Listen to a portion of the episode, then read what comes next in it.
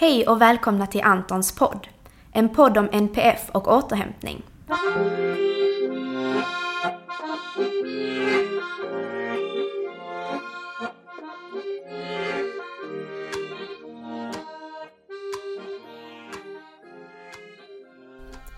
Jag heter Marie och kommer att i dessa poddavsnitt utforska olika aspekter av hur det är att leva med eller tillsammans med någon med NPF, neuropsykiatrisk funktionsnedsättning. Jag heter Josef. För tio år sedan så jobbade jag som pedagog på en särskola och fick en ny elev som hette Anton. Han lärde mig om autism och han lärde mig minst lika mycket om behovet av återhämtning. Jag lärde också känna Antons mamma, Lotta. Att leva med Anton är både fantastiskt och underbart. Men det är också utmanande. För Anton har svår autism och det påverkar hela familjen. Vi är ofta helt slutkörda och har ett stort behov av återhämtning. För att skapa möjligheten att få anpassad återhämtning skapade Lotta, Josef och Antons läkare Helena föreningen Antons hus. Denna podden handlar inte om Anton, men Anton har vi alla gemensamt. Podden är för er alla som också har en Anton.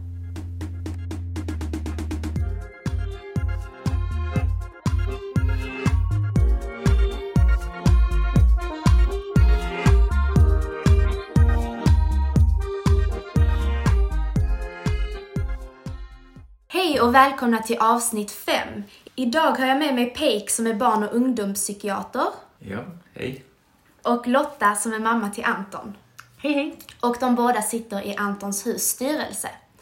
Och idag kommer vi att diskutera lite om hur coronapandemin har påverkat familjer med autism. För hela denna situationen som har rubbat vardagen har nog satt en viss stress på oss alla. Men hur är det för familjer med autism som är så beroende av en rutinbaserad och fungerande vardag? Som jag har förstått det så finns det många likheter mellan hur vi idag lever på grund av corona med hur man lever som familj med autism. Men så är det absolut. För eh, när man är en familj med autism så försöker man alltid att vara motvallskärring. Och med det menar jag att om det är början av sommaren och den första härliga sommardagen kommer och det är varmt, då går alla till stranden eller alla går till utomhusbaden. Men då går familjen med autism till inomhusbadet för då är det inga människor, då är det tomt. Man försöker hela tiden göra vad de flesta människorna inte gör. Och så gör man ju nu när det är Corona också, att de flesta försöker ju hitta tider att gå och handla i affärerna när det inte är andra som går och handlar.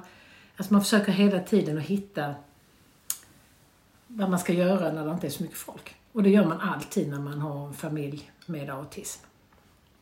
Ja, ja just det. Om man har eh, autism så eh, har man ju ofta svårt med sociala kontakter och närhet. Eh, det kan vara jobbigt om eh, en person med autism eh, upplever att man måste kramas till exempel. Det kanske inte alls passar så bra.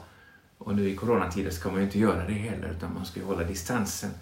Och det kan för många med autism eh, faktiskt kännas eh, lättare. Och så också med skolan. Att eh, många, många elever med autism, eller många ja, som har autism och går i skolan, de är hemmasittare. Och med det menar man att man har väldigt svårt för att gå till skolan. För man, man vill gå till skolan men det är svårt med miljön och alla intryck och det är kanske svårt både att ta sig dit och ta sig hem. Det tar mycket energi. Och sedan när man är där så är det väldigt mycket som ska fungera och man ska förstå. Så man orkar helt enkelt inte, man klarar inte av det. Man blir utbränd redan som barn.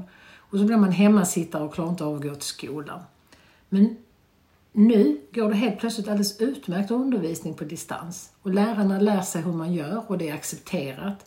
Och man är ju, alla är ju hemmasittare, i alla fall om man gick på gymnasiet tidigare. Alla i våras. Alla pluggar hemifrån. Och då är man ju plötsligt en av flera och passar in på ett annat sätt. Så på det viset så tror jag att det kan ha hjälpt en del ungdomar med autism att klara av sin skolgång lite bättre faktiskt. Och det kan ju gälla om man arbetar också, att man nu plötsligt kan arbeta på distans och att det är helt okej om man har den typen av jobb. Så på det viset är det ju väldigt bra. Mm. Samtidigt så eh, kan det ju för vissa också vara att de är eh, väldigt anpassade efter rutinerna som skolgången eller arbetet innebär och att det kan kännas jobbigt att inte kunna ha den vardagsrutinen att till exempel gå till skolan. Så det kan se lite olika ut. Så det kanske inte gäller helt och hållet eller alla, men, men annars håller jag med om vad du har sagt Lotta, det, det stämmer. Ja, och likaså de som bor på LSS-boende och kanske har insatsen daglig verksamhet. Att de inte kan få gå och göra det mm. nu plötsligt. För man har ju väldigt förstå, svårt att förstå varför. Och det är ju kanske det enda man har att göra. Mm. Som bryter den andra rutinen. Och en rutin som man känner till och trivs med. Och så kan man helt plötsligt inte det. Mm. Det tror jag att många har mått väldigt dåligt av. Men samtidigt, om jag är på stan ibland och träffar på folk, som man, ibland ser man ju ett, ett, tidigare såg man ett gäng kanske gå, men de gick alltid många. Och då är det liksom ett boende som är ute på utflykt. Mm. Och det har jag kunnat tycka var problematiskt att man alltid ska göra det tillsammans. Det är ju bara för att man bor på ett boende tillsammans, mm. det har man ju inte valt sitt umgänge. Och att man alltid var tvungen att göra allting tillsammans i stort sett. Men så är det inte nu längre. Utan nu hittar man lösningar så att man faktiskt kan få gå på utflykt en och en. Mm. Och det hoppas jag att man lär sig av, att det är fullt möjligt sedan när det här med Corona är över. Så det finns både positiva saker men det finns ju också saker som vi faktiskt förhoppningsvis lär oss av och kan ta med oss framåt. Ja, för det var det jag ville komma in på lite det som du eh, pratade om innan Peik, om utmaningarna på grund av Corona. Så vad finns det för utmaningar för familjer med autism när samhället stänger ner och det nu måste stanna hemma hela tiden? Mm. Ja, jag nämnde ju redan detta med personer med autism själv och de rutinerna som bryts. Sen har vi ju också familjen och eh, då är det ju det att eh, familjen får uppleva att man måste tillbringa väldigt mycket mer tid tillsammans med sin familjemedlem med autism. Och eh, samtidigt som det kan vara visst positivt på sitt sätt men det kan ju också vara mycket ansträngande. Och eh, det här att eh, föräldrar och syskon behöver vila sig lite genom att inte ständigt behöva vara tillsammans med eh, den här familjemedlemmen med autism. Eh, och nu i coronatider kan det bli svårt. Man hittar inte lika lätt eh, tillfällen att dra sig undan. Men eh, det kan man ju göra ändå naturligtvis i det lilla. Man kan gå runt kvarteret eller ta en dusch eller vad det kan vara. Alltså när man är tillsammans hela tiden och man mm. inte får en vila som familj. Alltså man måste hela tiden anpassa sig och läsa av personen med autism man har i familjen. Och man måste ligga steget före som du säger. Det menas med att man måste tänka, oh, om jag gör så, vad kommer då hända? Eller vad händer nu om toaletten, duschen är upptagen när till exempel Anton behöver duscha? Kan jag avleda på det och det sättet? Alltså man måste hela tiden tänka så och likaså hantera om det blir ett utbrott eller på annat sätt. Så det tar väldigt mycket energi av övriga familjemedlemmar att vara tillsammans med sin familjemedlem med autism hela tiden. Mm. För att, och det, och det gör ju att till slut orkar man inte det på samma mm. sätt längre. Då, eh, man kan till och med jämföra det med arbetslivet, med ett arbete, alltså den här uppmärksamheten som man inte kan släppa, det kan man ju på många arbetsplatser inte heller. Och därför behöver man ju vila sig efteråt. Men problemet med en familj med ett barn med autism är att där man egentligen tänker sig att man borde kunna vila, nämligen hemma, det är där det är jobbigt. Mm. Absolut, och då, om man då blir att man inte kan komma iväg på de olika dagliga verksamheten eller skolan eller sitt eget jobb där anhöriga många gånger säger att det är då man får återhämtning. Då, då, då blir det ännu mer påfrestande än för många vanliga familjer. Och därför är det så viktigt att man faktiskt ger sig själv tid så att man kan fortsätta att vara steget före och hålla rutiner och balansera upp och inte själv bli arg utan faktiskt vara den som balanserar upp eh, konflikter. Och för att om man klarar av att göra det så blir det färre konflikter och så blir det ett uppåtgående spiral istället för en nedåtgående. För hur det än är så personen med autism gör ju sitt bästa. Det är ju inte han eller hon som kan anpassa och förändra situationen. För de gör sitt bästa även om det inte alltid blir som man har tänkt sig. Utan det är ju vi runt omkring som måste anpassa oss för vi har förmågan. Men det tar mycket energi. Så man får försöka hitta, om man är två har man ju tur så man kan skiftas om.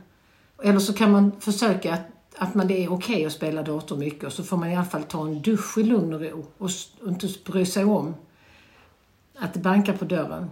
Fast det är lättare sagt än gjort för man vill ju inte gärna komma ut sen och så är ett skåp med glas ute på golvet eller någonting. Det behöver det ju inte vara. Men, eller att syskonen bråkar jättemycket. Eller någonting. Det är så lätt att säga de här råden. Det är så mycket svårare att, att hitta det. Men man måste försöka hitta det för sin egen skull. Och, hit, och uppskatt, se dem när de kommer och uppskatta de här mikropauserna eller vad man nu lyckas åstadkomma. För att det är en överlevnadsstrategi.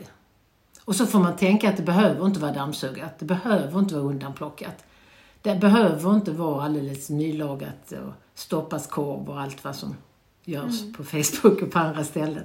Utan man får se till att hålla näsan ovanför vattenytan och tycka att man är okej okay som lyckas med det. Ja, jag tänker också att vi alla försöker göra vårt bästa och som du sa, också personer med autism.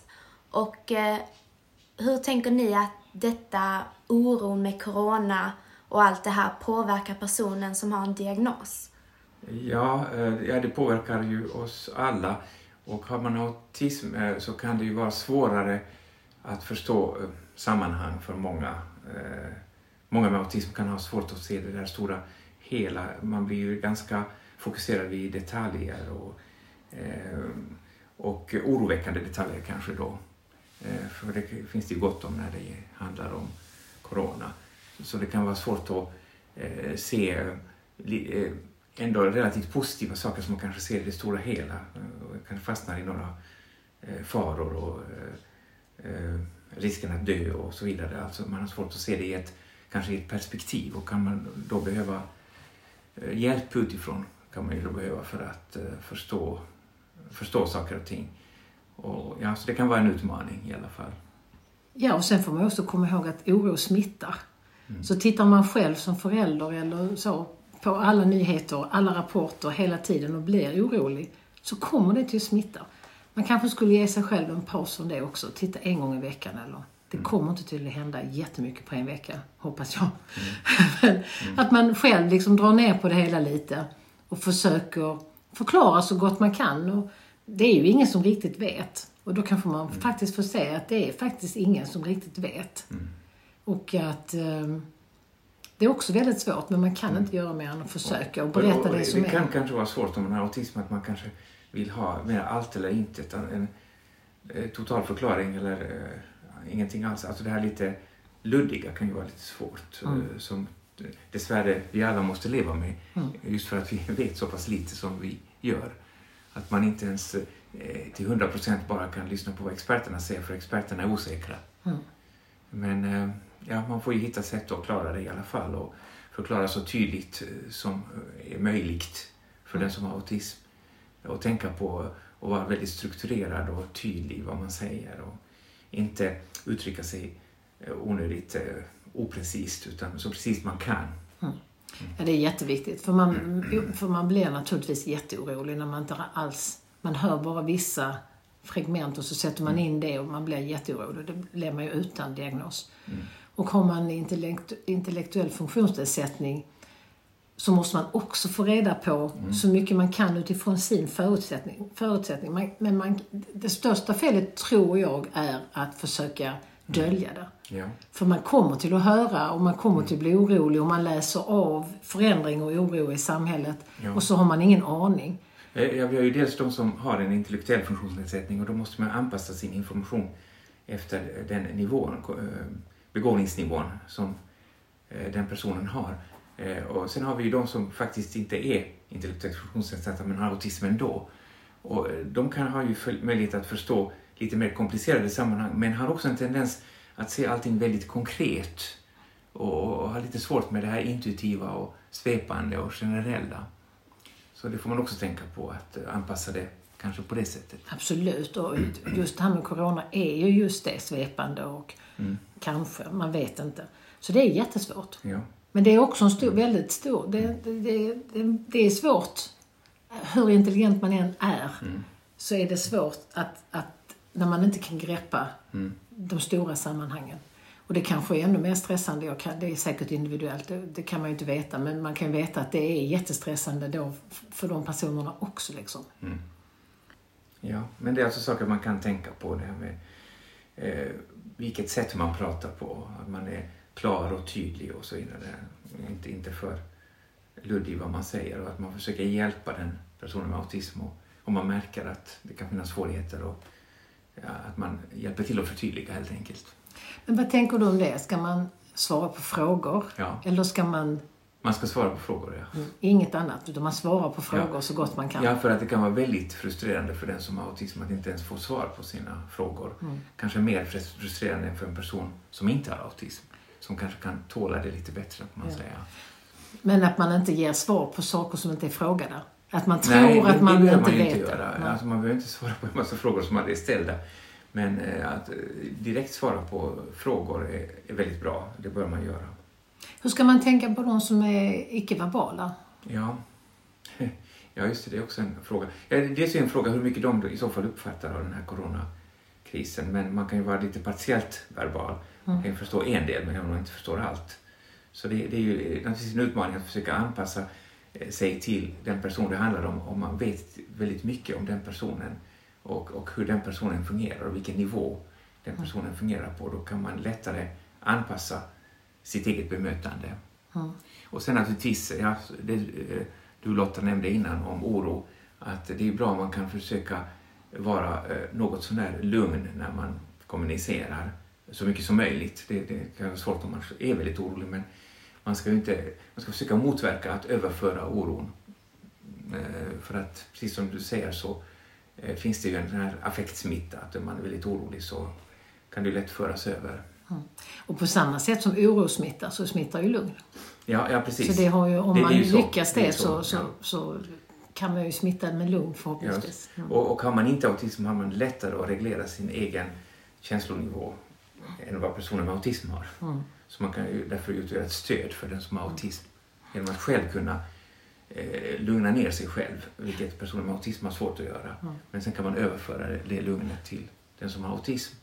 Ja, för jag tänker om man nu är icke-verbal och, eh, och då är det svårt att ställa frågor. Ja, Men samtidigt så kanske man kan gissa att om det inte blir daglig verksamhet som man brukar gå på, Ja. då har man frågan varför det inte är daglig Ja. verksamhet. ja, Så att man ibland kanske ska svara på frågor som inte är ställda. Men de ställs kanske på ett annat sätt. För man kan ju faktiskt kommunicera utan att göra det verbalt. Mm. Så antagligen så har man ställt frågan på ett annat sätt men utan ord. Mm. Och att eh, man då anpassar, man förklarar. Även om man inte förstår sin, eh, allting som händer runt omkring en på samma sätt som de flesta andra gör det, så har man ju en viss förståelse. Man tolkar ju sin omgivning på sitt sätt liksom. Och då är det ju viktigt att vi runt omkring kan försöka fånga upp det och ge så mycket information som den personen är intresserad av och kan, ta till sig. Men eh, det är ju lätt att säga. Det är ju klart svårt. Ja, det är väl lite grann kunskap om vad som fungerar och inte fungerar i kommunikationen. Alltså, det kanske man vet om just den personen, hur, vad som brukar fungera och inte fungera. Eh, går det bra med visuella hjälpmedel? Eh, naturligtvis det här med att utstråla lugn och kroppsspråket och som visserligen personer med autism kan ha lite svårt att avläsa, men om man är väldigt tydlig och eh, kanske fysiskt föra med, skapa lugna situationer och eh, Och sen hoppas jag att man som förälder kan vända sig till den dagliga verksamheten eller boendena. De, de hanterar ju mer än en. Så de har ju förhoppningsvis ett sätt som de kommunicerar. Om det nu är att man inte kan åka dit. Och har de inte gjort det så bör de ju tänka till. För det är ju något de borde göra. Ja. Tycker jag. Till exempel att man, om det nu blir nödvändigt med en förändring, kanske på grund av covid, att man förbereder för förändringen noga. Att man hittar sätt att, att förbereda den det handlar om. Eh, För att har man autism så kan man bli svårt med plötsliga nya situationer. Ja. Och vad tror du om det här att man också måste tänka på att visa att det finns faktiskt ett slut? För jag tänker många personer med autism behöver tydlig början och tydligt slut. Ja.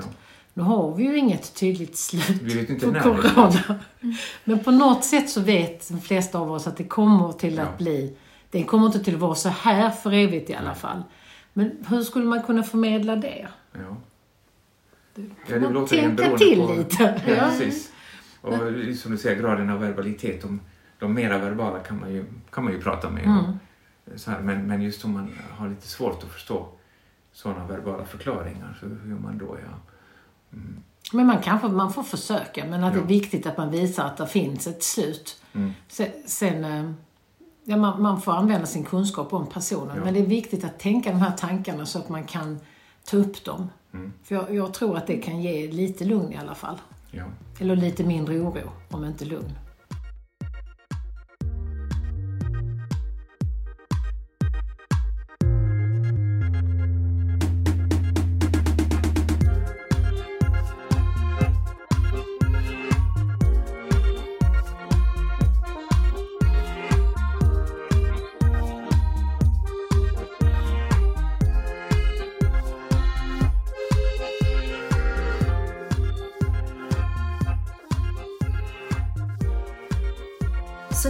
Pratat om utmaningar och hur mycket stress man kan sättas under, hur påverkar då detta familjens och personens med autism hälsa? Mm.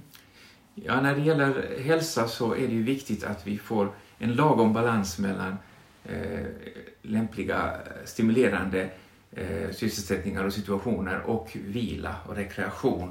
Och det gäller ju alla människor.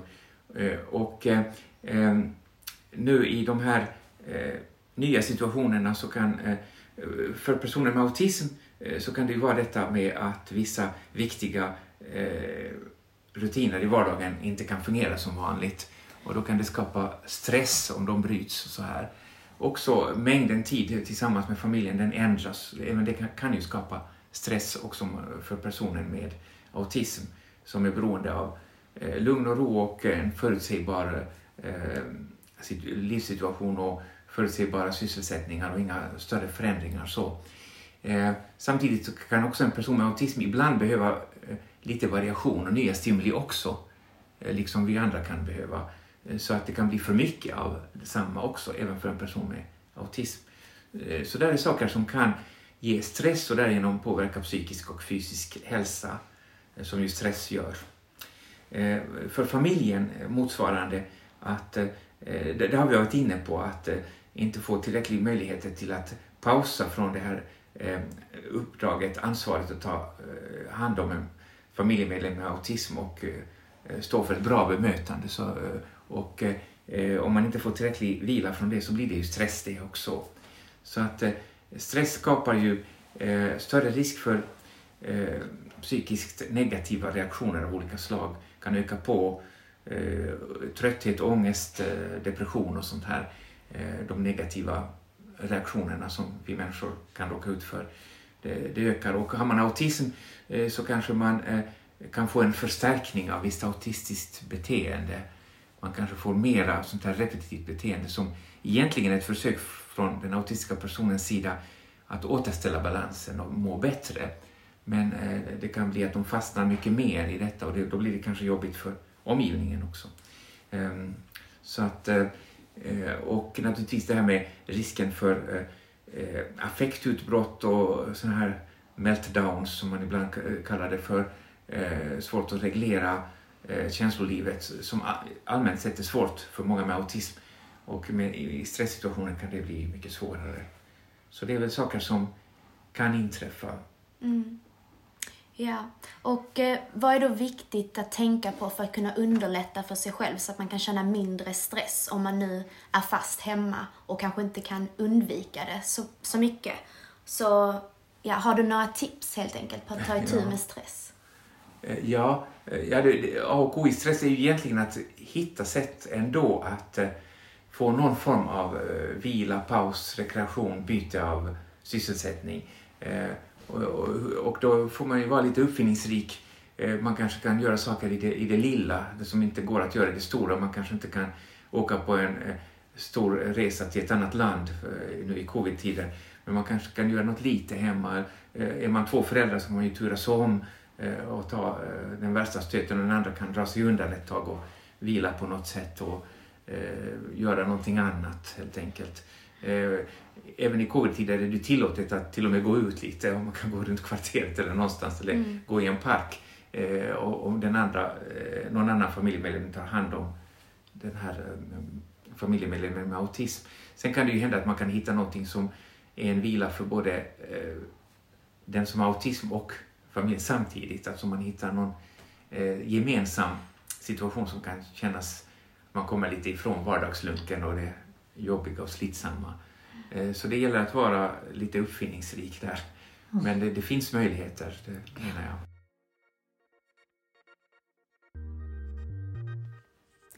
Och med det så tackar vi för oss och tack för att ni har lyssnat.